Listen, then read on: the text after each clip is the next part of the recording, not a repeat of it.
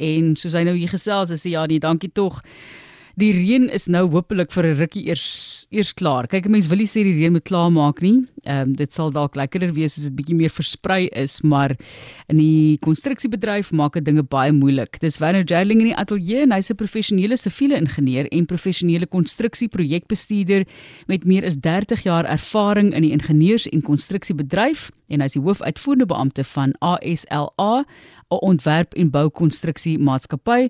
Hy's ook 'n genoot van beide die Suid-Afrikaanse Instituut van Siviele Ingenieurswese en die Suid-Afrikaanse Akademie van van Ingenieurswese. So 'n mondvol vandag kyk ons na die masjinerie op die konstruksieterreine wat tans soveel uitdagings natuurlik ook ervaar. Baie welkom in jou Werner. Baie dankie Martelies, dankie luisteraars. Lekker om weer by julle te kuier. Ja, ons eh, die geel masjinerie lê vir ons na in die hart. Ons is kontrakteurs en as manne in die veld. Ek dink baie van ons boere sal daarmee saamgaan. Ja, ek ek moet sê ek dink kyk dit is in in terme van popkultuur ook nogal groot as jy dink die invloed wat dit gehad het op mode, op stewels oor die jare, jy dink in die 90s en so aan ons ons hoef nou nie daaroor te gesels nie, maar wanneer kyk die bedryf het nie altyd daardie masjinerie gehad nie. So dinge het baie verander oor die jare as jy dink van mens wat moes doen met spierkrag tot waar ons vandag is. Ja, en dit het konstruksie uh, natuurlik redelik beïnvloed ook. Vat ons self maar so 150 jaar terug. Ek het amper gesê 100, toe kom ek agter ek is ook nou al ouer. So kom ons gaan so 150 jaar terug en ons kyk in die tye van die myle.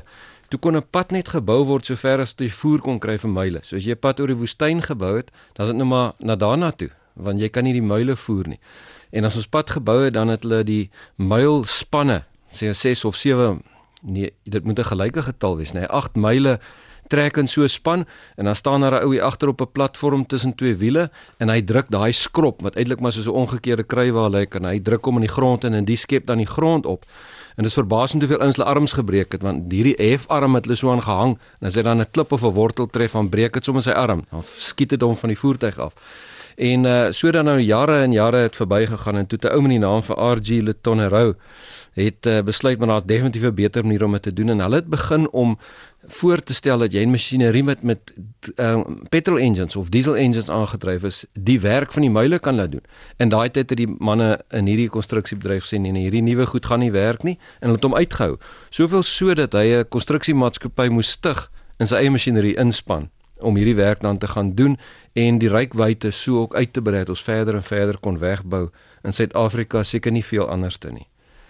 So interessant en ek wil ook net sê op daai noot van van bou en van paaie en so aan hoe swaar dit gaan in sekere dele van daar McGregor se rigting. Jogg, baie sterk. Ek sal later 'n bietjie daaroor gesels. Hulle het vir my 'n boodskap gestuur vandag om net te sê hoe afgesny hulle tans is en paaie en brûe wat heeltemal weg is en masjinerie wat benodig word. Gaan nou 2 weke neem om dit te herstel, maar kom ons kyk na die masjinerie wat in die algemeen gebruik is en ons begin by padbou en grondverskywing. Ja, padboumasjinerie is natuurlik wat elke eh, kind en elke mens seker maar geïnteresseerd uit my oogpunt natuurlik. Goed so stroofstootskrapers en graafmasjiene, voorlaaiers, vragmotors en so aan. Ons praat natuurlik baie gereeld van kruiptrekkers en so in die volksmond noem ons dit caterpillars.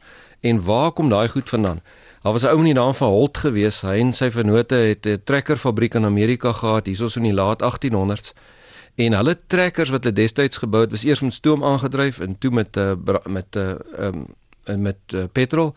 En die goed kon natuurlik nie uh oral ry nie. Hulle is baie swaar geweest en maklik omgeval. Reuse agterwiele gehad en goed soos grawe op die wiele gemonteer om hulle vasdrap plek te laat kry. Nou is daai swaar masjien sy eie gewig was eintlik wat nodig was. Dit is wat die masjien voorgebou is. Hy kon omtrent niks sleep nie, so swaar was die ou ding geweest en dan het hy so gestaan en spin in die modder in die modder en almal se gesigte geskiet sommer so by die emmer vol. Hoe swaar en, was hy? Daai ding het definitief ek ek raai nou maar ek sou dink ja. maklik so 10 of 15 ton so so 'n masjien geweg het. Hy hy seker miskien meer as dit as hy nou vol water en alles is. Swaar, swaar. So die masjinerie was reusagtig swaar.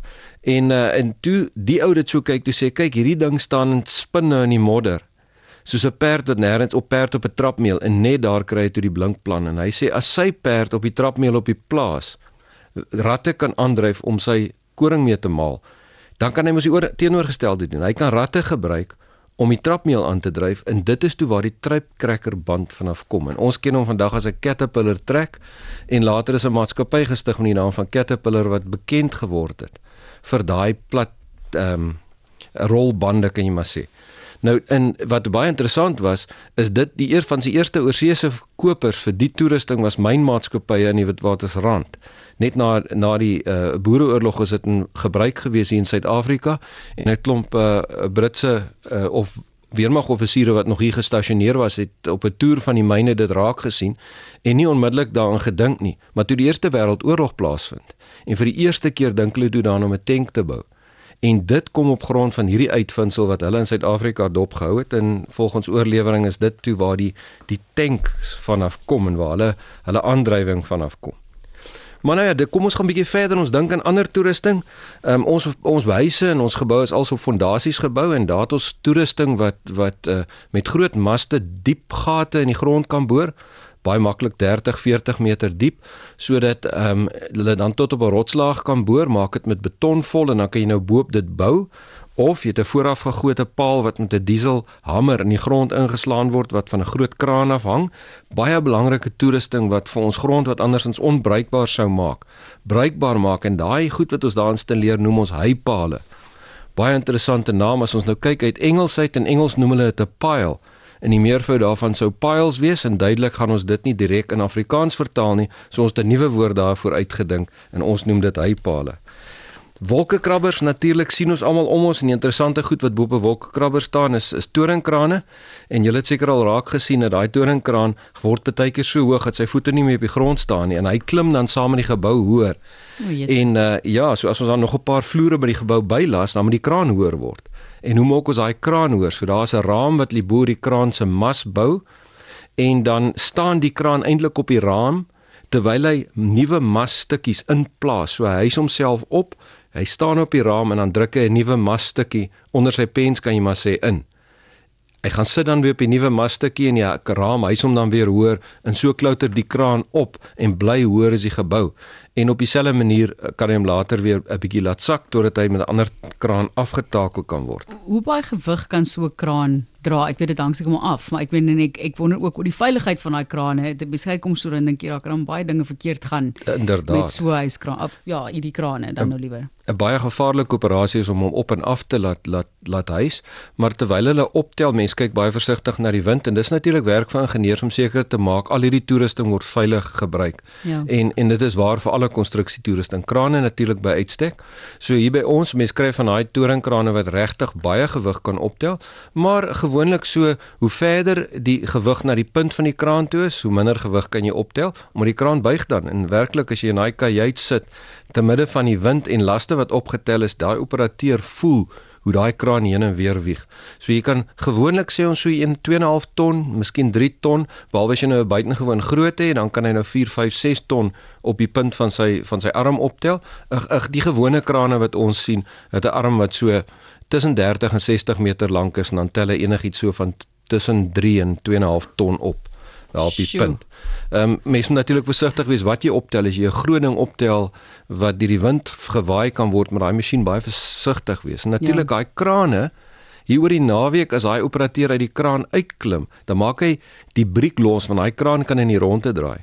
En daai kraan moet net soos 'n 'n ehm net soos 'n windpomp moet moet altyd wegkyk uit die wind uit sodat die wind hom nie kan raak waai nie. So hy draai dan so op sy eie in die wind as hy nou nie in gebruik is nie. You know, baie dinge wat vind ek vra nou juist want daar was 'n ongeluk gewees in Amerika onlangs waar die yskraan in 'n gebou toe in vasgeslaan het. Maar ja, dit is nou ek jy moet weet wat jy doen. Dit is maar waar dit gaan. Definitief. Volg die reëls, volg die reëls die stappe. Definitief. Ja. So daar's baie belangrike metodes en prosedures waarmee ons ons toerusting gebruik en ook oprig en aftakel na die tyd.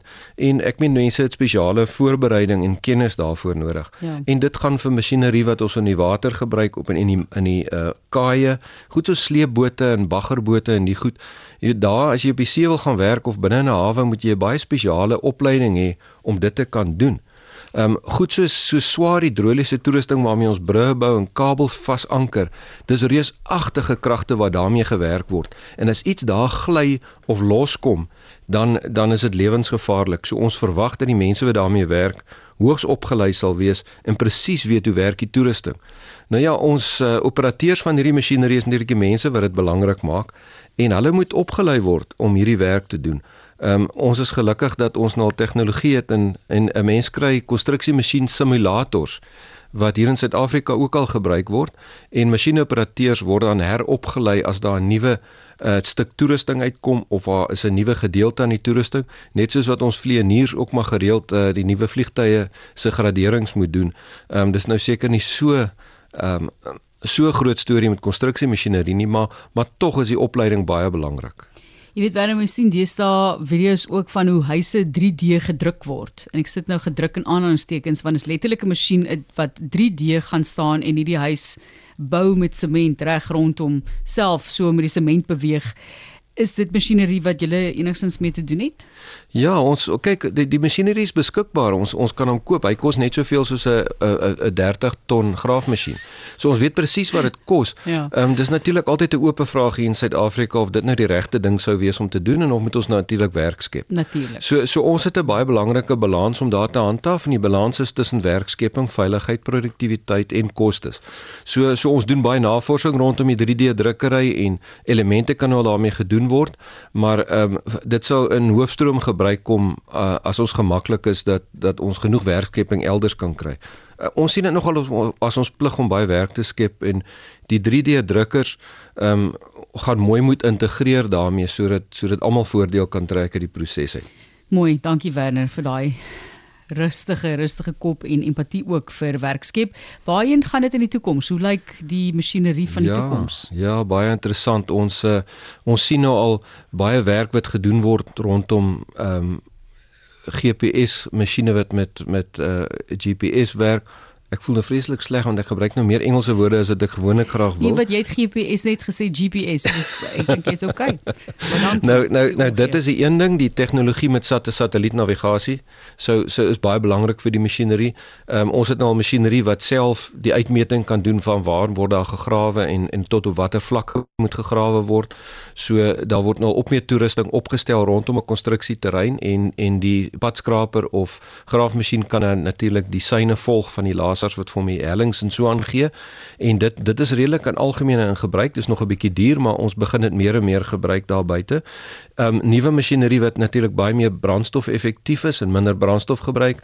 Ehm um, in ons bedryf kyk ons ook na na ehm um, die die uitlaatgasse wat hulle bedryf uh, wat wat uh, uitkom hoe effektief masjinerie brandstof dan in krag kan omskakel nuwe hidroliese stelsels wat hulle gebruik Ehm um, en en natuurlik dink ek op die op die horison lê vir ons nuwe aandryfmiddels. Uh, ek dink waterstof engines en en waterstofselle is nie baie ver nie. Kernkrag ja. En en wel, miskien selfs kernkrag, né? Ja. Ehm ja. um, as ons kyk na 'n party van daai reuse masjinerie wat op op op die myne werk. Ons het in Suid-Afrika nou al die eerste oopgroef mynvragmotors wat met waterstof engines werk. Ehm um, of daar mini reaktors in die toekoms kan kom wat veilig binne in reuse masjiene kan werk, binne in skepe en die tipe van goed kan dit nou al werk.